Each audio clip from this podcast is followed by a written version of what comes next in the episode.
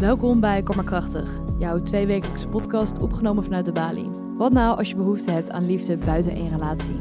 Misschien is polyamorie dan wel iets voor jou. Een liefdesleven met meerdere partners tegelijk. Performer Kirsten Fontijnen, illustrator en activist Xu Yang Tsao vertellen je hoe zij tot deze relatievorm zijn gekomen en hoe zij dit weten te cheffen. Mijn naam is Lynn Deen en eerst ga ik in gesprek met onze stagiair Nadia Nan.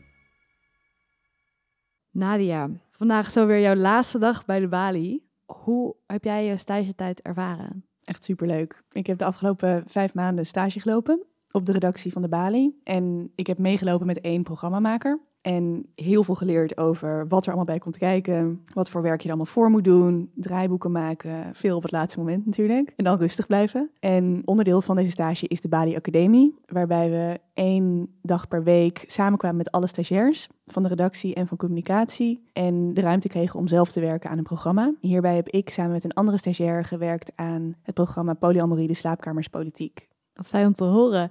Laten we een stukje terminologie doen. Want in deze aflevering gaan we het hebben over polyamorie, monogamie, open relaties. Leg het mij eens uit. Het programma ging over hoe diep geworteld monogamie zit in deze samenleving. Eigenlijk bedoel ik hiermee met monogamie seriële monogamie. En dat houdt in dat je monogame relatie hebt deze eindigen dan vervolgens weer start met een andere monogame relatie. Dus het zijn verschillende monogame relaties die na elkaar komen. En dit is anders dan hoe het eerder gebeurde. Want vroeger trouwde je gewoon met één persoon. Dan bleef je samen tot je stierf. De optie is er om het uit te maken. De optie is er absoluut om het uit te maken. Zeker. Nou, als je afwijkt van deze monogame relaties, dan zijn er heel veel verschillende opties. Eén daarvan is een open relatie. En dit houdt in dat je één vaste partner hebt, maar daarnaast ook intimiteit kan vinden bij mensen buiten je relatie. En dan samen met je vaste partner maak je afspraken over wat je wel en niet kan doen met andere mensen. En nog een andere optie is polyamorie. En daar ging dit programma over. En dit houdt in dat je meerdere liefdesrelaties kan hebben naast elkaar met verschillende personen. Dus het is ook weer echt anders dan een open relatie, omdat je dus verschillende liefdesrelaties onderhoudt tegelijkertijd. Polyamorie is een heel breed begrip kan heel verschillende vormen hebben. Je kan sowieso single zijn, maar alsnog polyamoreus. Je kan een relatie hebben met twee personen of met drie of nog met meer. En deze personen kunnen ook onderling weer aan elkaar verbonden zijn, maar dat hoeft ook absoluut niet. Dus er is heel veel mogelijk. Jullie begonnen met een flinke lijst aan onderwerpen waarover jullie allemaal programma's zouden willen maken. Uiteindelijk is de keuze gevallen op polyamorie. Waarom vonden jullie dat zo belangrijk? Ja, het leuke van de Bali Academie was dat er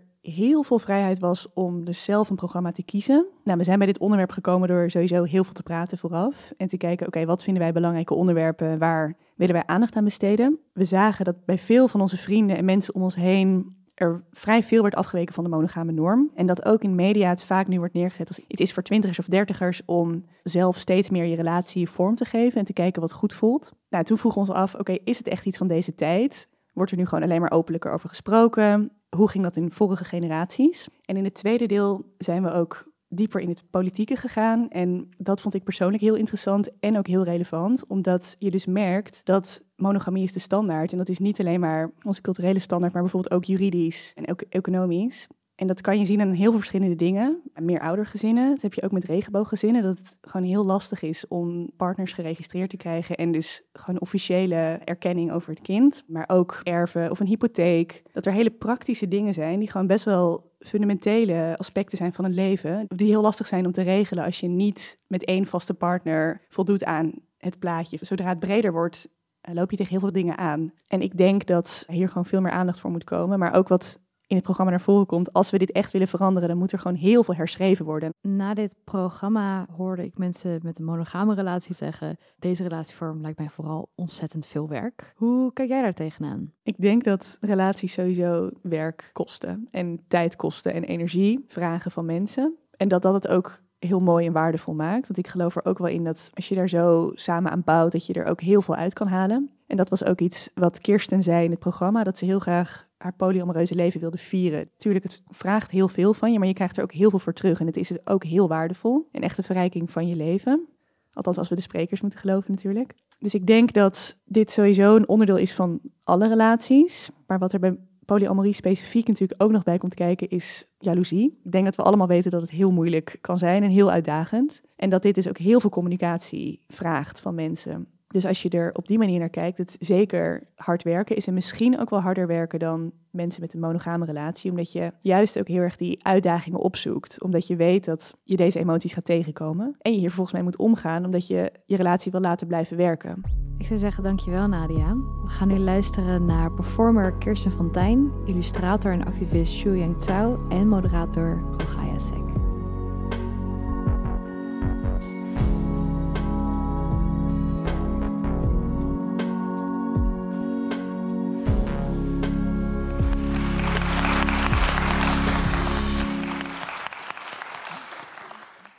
Wat verstaan jullie onder polyamorie? Nou, ik had 6,5 jaar geleden, toen ik verliefd werd op mijn vriendin, uh, nog nooit van het hele woord gehoord. Uh, ik heb ook heel lang uh, erover gedaan om dat woord te omarmen. Ik vond het ook een heel lastig hokje, om heel eerlijk te zijn, om me daartoe te verhouden. Uh, God, en ik, ik ben nu aan het praten en ik denk nog steeds, wat, wat, wat.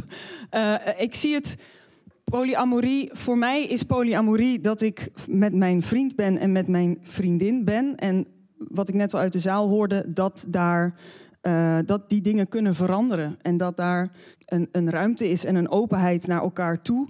Maar dat ik met hem het team was en zij kwam daarbij. En dat ik nu ook met haar een team ben. En dat, dat verandert steeds. Ja. En uh, hoe zie jij het, polyamorie? Um, hoe ik het zie, is dat je in staat bent en gelooft in meerdere liefdes. En dat dat naast elkaar mag bestaan tijdens dezelfde tijdsbestek. Dus in een monogame verhouding zou ik zeggen: je hebt een relatie, daar besteed je al je tijd en energie in. En dan werk je ergens naartoe. En dan, weet je wel, ga je verder ermee. En dan is het ook uitgesloten dat je met iemand anders dan een romantische intentie zou hebben. En dat dat dan ook vaak afgestraft wordt. Dus ik zou zeggen, in polyamorie houdt het eigenlijk voor mij in dat ik liefde laat leiden. Hoe zweverig dat ook klinkt. Um, maar dat ik daarin mezelf niet laat beperken door een ander. En hoe ben je in een polyamoreuze relatie beland? Ik heb zelf altijd best wel veel moeite gehad met liefdesrelaties. Uh, dat kwam vanuit trauma, dat kwam vanuit mijn cultuur, van mijn, mijn, ja, hoe ik mijn ouders heb gezien en hoe zij liefde hebben geleid. Maar tegelijkertijd ook wat ik heb meegekregen vanuit de televisie, vanuit muziekvideo's, vanuit eigenlijk alles waarin de norm monogamie is. Dus toen ik opgroeide, merkte ik eigenlijk al vanaf heel jongs af aan, ik zou zeggen op de basisschool eigenlijk al, dat ik verliefd was op meerdere kindjes tegelijk. En ja, op dat moment dan ja, leg je er niet gelijk een link aan. En op een gegeven moment werd ik ouder en ging ik echt ja, serieuzere relaties aan met vriendjes. Toen de tijd was ik er nog niet achter dat ik queer was. Dus ik had eigenlijk altijd vriendjes.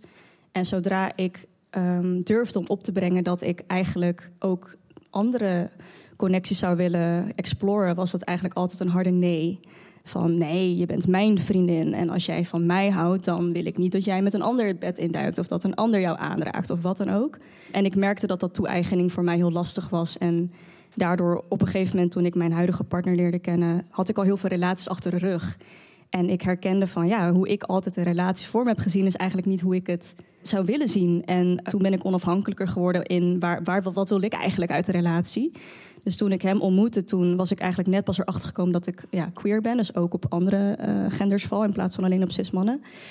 En toen heb ik vanaf het begin gezegd van ik vind jou heel erg leuk. Ik zou ook heel graag verder willen bouwen aan onze relatie. Maar dan zou je er wel akkoord mee moeten gaan dat ik ook connecties met eventueel andere genders zou willen uitzoeken. Omdat ik dat mezelf gun.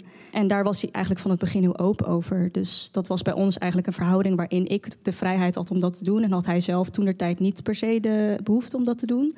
En dat is door de jaren heen, nadat wij op een gegeven moment vier jaar lang een relatie hadden en samenwoonden, was het toch wel van, oh ja, ik zou dat ook willen. En uh, toen is hij er ook achter gekomen dat hij queer is. Dus dat was heel bijzonder.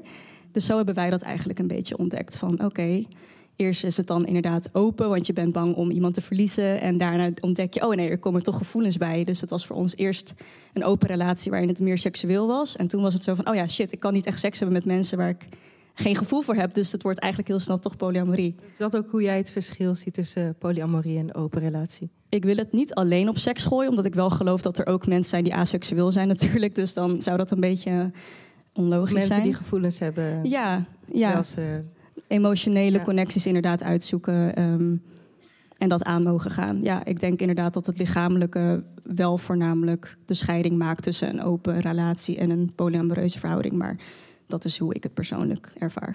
dat is misschien ook wel een goede van, is het een geaardheid? Want ik wilde vragen van hoe jij erachter kwam dat je polyamoreus was. Maar misschien is het meer een, zie je het meer als een levensstijl. En dan zou meer de vraag zijn van dat je erachter kwam dat je graag een polyamoreus leven wilde leiden. Nou, bij mij heeft het best wel lang geduurd. Want ik, ik eh, had net een huis gekocht met mijn vriend. Dit is ongeveer zeven jaar geleden. En toen werd ik dus verliefd op een vrouw. Ik was net 27 en ik wist helemaal niet dat, dat, dat ik dat kon, dat dat op mijn spectrum zat. Dus ik heb eigenlijk twee partners die mij al uh, zeven en negen jaar begeleiden in dit alles. en uh, ik, ik ben de eerste drie jaar heb ik totaal in de kast gezeten, totaal alles op geheim gezet, zelfs contracten laten En wat bedoel je dan met de eerste drie jaar? De eerste drie jaar van dat zij zeiden wij zijn er beide, wij staan beide naast je. Dus was je Ehm, eerst met één van die... uh, ja, ik had dus partners? eerst was ik met mijn vriend twee jaar. Ik had net een huis gekocht. Ik werd verliefd op haar. En eh, ik was alleen maar in paniek de hele tijd. En ik dacht meteen, ik moet kiezen en dit kan niet naast elkaar. En zij waren al veel verder dan ik daarin. En eh, zij hebben heel veel, ehm, ja, hoe zeg je dat, geduld met mij gehad. ik, heb, ik, ik denk dat dat heel erg komt, ook door waar je vandaan komt. Ehm, ik, ik zeg altijd, ik kom uit een Goois hockeygezin. Ik kende niks anders dan eh, de norm. Ik kom uit hetero, heilo, eh, waar zelfs de kapper niet gay was. Weet je wel dat? Ehm, dus het gaat volgens mij heel erg over beeldvorming, wat kan en wat niet. Eh, en dat, ik heb echt heel lang gedacht dat ik gek was. Ik, ik, ik, ja, zeven jaar geleden waren er geen boeken over, waren er geen films over, geen series. Dat was er allemaal niet. En op een gegeven moment ga je googlen. Ik heb last van twee liefdes, ga ik nu dood? Dat is, dat, je- weet je, je, je, kan echt nergens... Ja, ik had natuurlijk eh, het monogame drama had ik gevonden. Dus je gaat boekjes vinden. Maar was een goede les dan uit het monogame drama? Neem aan dat, er meer is dus dan twee. Ik ben daar zo mee opgevoed en ik ben daar zo en ik ben zo bang geweest voor het uit de kast komen naar mijn familie en naar Hello, naar hetero Hello. Dat is ook gebleken. Na drie jaar heb ik dat verteld, ben ik uit de kast gekomen en dat is echt nog steeds een heel groot probleem. En ondertussen woon ik met hem samen, woon ik met haar samen, heb ik twee huizen en, en, en ben ik de, de rijkste bitch op aarde. Ehm, ja. En ik zeg ook altijd, ik heb eigenlijk een monogame relatie met twee mensen tot nu toe, want alles kan veranderen. Maar hoe ik op slot heb gezeten en hoe ik gedacht heb dat ik en wij niet bestonden in deze wereld en deze tijd, dat is echt ziekelijk geweest. Echt tot aan maagzweren in het ziekenhuis aan toe. Dus dat wegstoppen van die liefde en denken, wij bestaan niet. Ja, dat, dat, dat is... Want en dat deed je dat dan de eerste drie jaar? Want je had net even alles in het geheim. Ja, ik heb echt, ja, ik heb ze een contract laten ondertekenen. Ik was net aan mijn cabaretcarrière begonnen. Ik vond het ook heel eng om als eh, eh, vrouwelijke cabaretier toen, eh, ik, was, ik was net afgestudeerd, om, om daarmee uit de kast te komen. En ik heb ze contract laten ondertekenen dat niemand daarachter mocht komen. En wij, ja, ik heb drie jaar lang dus mijn vriendin ontkend naar die buitenwereld, wat super pijnlijk is. Dan heb je Kirsten weer met dat nichtje op een feestje. Maar dat was echt, ja, het is heel erg. Waarom is ze nou met haar nichtje aan het zoenen? Ja, nou ja, nee. Dat durfden we niet in het, eh, in het openbaar. Nee, nee, nee. Maar, maar ik schaam me er echt voor nu. Ik schaam me ervoor. En, maar het was zeven jaar geleden. Ja. Ehm, ik ben zo blij. Weet je, sommige mensen noemen, zeggen dan: Oh, is het een hype? Zeg nee, het is zichtbaar. Het is eindelijk zichtbaar. Want dit eh, was er zeven jaar geleden echt niet. Ik dacht net toen, toen jullie binnenliepen van. Ah, ik hoorde ook één iemand die zei: Ik wil toch weer weg. Vond ik ook. dat, dat ik dacht: Oh ja, had ik dit zeven jaar geleden maar gehad. Ja. Heb je ook het gevoel dat er een soort taboe is? Of is het iets ook herkenbaars? Ja, tuurlijk is het dan een taboe, toch? En daar, daar draait deze hele event ook om, denk ik. Ehm, dat het niet de norm is, dus daarom wordt het standaard een taboe, denk ik. Ik vind het gewoon heel grappig en herkenbaar, allemaal wat je zegt. Ik weet niet zeker of het zeven jaar geleden inderdaad niet vindbaar was. Want ik probeer daar de laatste tijd wat voorzichtiger mee te zijn. Omdat ik denk, ja, is dat echt zo? Of is het omdat ik het toen nog niet kende, weet je wel? Dus, maar ja, het zou best kunnen dat dat toen de tijd nog niet ehm, zichtbaar was. Of ehm, in de boeken. En, Er waren voornamelijk, ik vond dan Linda-artikelen met ja, hele geseksualiseerde, ordinaire plaatjes. Eh, en dat, dat ik dacht, oh, dat ben ik niet. Oh, dat ben, oh, dat ben ik het dus niet. Dus dat het, dat het nog helemaal niet, ehm, er werd nog niet echt gezicht aangegeven. Nee, precies. Dus de, ik, ik snap dat wel heel Kon goed. je nog niet herkennen of identificeren ja, met iemand? Klopt, klopt inderdaad, ja. Want als ik dan echt terugdenk aan de enige rolmodellen, zeg maar, die ik heb gezien, was het inderdaad gezinnen die dan als stokjes werden neergezet. En joh, ja, ik heb twee moeders en ik heb twee vaders. En dan zag je die kinderen en ik dacht alleen maar ja. Beetje Louis Theroux-achtige ja, en, ik- en, ja, en ook dat- als Chinees meisje die daar naar kijkt met mijn Chinese ouders, die denken, oh, snel wegzeppen, wat, zijn dit weer voor gekkies, weet je wel? Dus het is toch wel ja, dat wat je niet ziet, dat kun je niet zijn. Dus het was wel echt heel interessant om daar dan nu steeds meer gezicht aan te geven die op je lijken. Waardoor je ook inderdaad beseft van, ook ben niet gek en ik mag er zijn en ik hoef me hier niet voor te schamen. Ja, en Kirsten had het net over hetero eh heilo.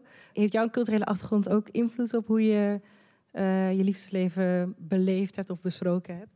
Ja, zeker. Ik denk dat iedere culturele achtergrond wat niet in Nederland ja, de norm is, laat ik zo zeggen. Of überhaupt een culturele achtergrond wat niet wit is en niet religieus. Er zijn gewoon zoveel redenen waarom jij inderdaad niet naar voren durft te komen ehm, met polyamorie. Ehm, en ik denk dat er heel veel schaamte zit rondom de cultuur waar ik vandaan kom. Eh, niet eens alleen op polyamorie, maar ook queerness over seks. Alles wat maar te maken heeft met ja, alles wat niet een ring. er- Als ik geen ring om mijn vinger heb, dan zou ik eigenlijk niet moeten samenwonen en al die andere dingen. Dus voor mijn gevoel, als ik met mijn ouders ben, dan moet ik me ook constant bedekken, weet je wel, mijn decolleté. Dus laat staan dat ik voor hun. Ik zou kunnen zeggen, ja, ik, trouwens, ik heb meerdere liefdes. En trouwens, ik val ook op vrouwen. Dat is gewoon iets wat ik me niet kan bedenken. Tot de dag Dat van vandaag. eh, nee, hen? tot de dag ik net zeg, inderdaad. Tot de dag van vandaag ehm, zit ik zogenaamd in de kast, maar geloof ik zelf niet in de term eh, uit de kast komen. Ik geloof heel erg dat je mensen om je heen moet hebben waar je je veilig bij voelt en die je naar binnen laat. Ehm, dus ik heb vanaf een hele jonge leeftijd al twee levens gehad. En tuurlijk, ze kijken mijn Facebook, tuurlijk, ze kijken mijn Instagram en ze zien dit allemaal voorbij komen. Maar wat niet letterlijk wordt gezegd, wat uit mijn mond komt, dat bestaat dan niet. Dus ja, ik zou wel zeggen dat culturele achtergrond zeker wel een tandje erbij komt die nog net wat ingewikkelder is. Ja, zeker. Ja, ik hoor vaak eh polyamorie is hard werken. Zien jullie dat zo? Ja, het is. ehm, ja, toch? Ja, toch? ja. Het is heel veel communiceren, heel veel praten, heel veel op tafel. En eh, daarin zijn natuurlijk ook weer duizend vormen, volgens mij. Hoe het bij ons is gegaan, is dat hij mij letterlijk verliefd zag worden op haar. Dus hij was letterlijk betrokken bij de eerste nacht, als in niet in dat bed, maar hij zat achter de deur aan de andere kant. En hij dacht, oké, ga, dat maar, ga dat maar uitzoeken, ga dat maar ondervinden. En de volgende ochtend hebben we meteen met z'n drieën ontbeten en zijn we het gesprek aangegaan. En En kennen jullie elkaar allemaal al? Ik kende haar nog niet zo lang. Ik, herken, ik kende haar van een theaterfestival en zij ook. En dat was heel gezellig. En eh, uiteindelijk nodigde hij haar uit om een keertje bij ons wat te komen drinken. Maar ik zat al met mijn bek vol tanden op dat theaterfestival. Dus ik dacht, oké, nou daar gaan we. En waar hij natuurlijk dacht, leuk, dit wordt een trio... eh, smeet zij de deur eh, voor zijn neus dicht. Dacht hij dat Dus ook-? Tuurlijk. Ja, omdat dat allemaal. Er was nog helemaal niks uitgesproken. Dus het was alleen maar heel veel energie.